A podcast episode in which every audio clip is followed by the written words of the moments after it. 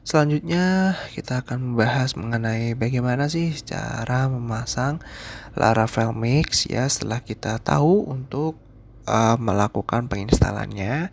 Jadi yang sebelumnya kan kita harus menginstal Node dan juga npm.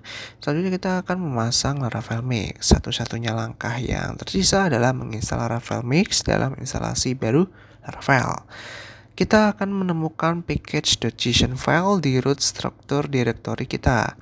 File default package.json sudah menyertakan semua yang kita butuhkan.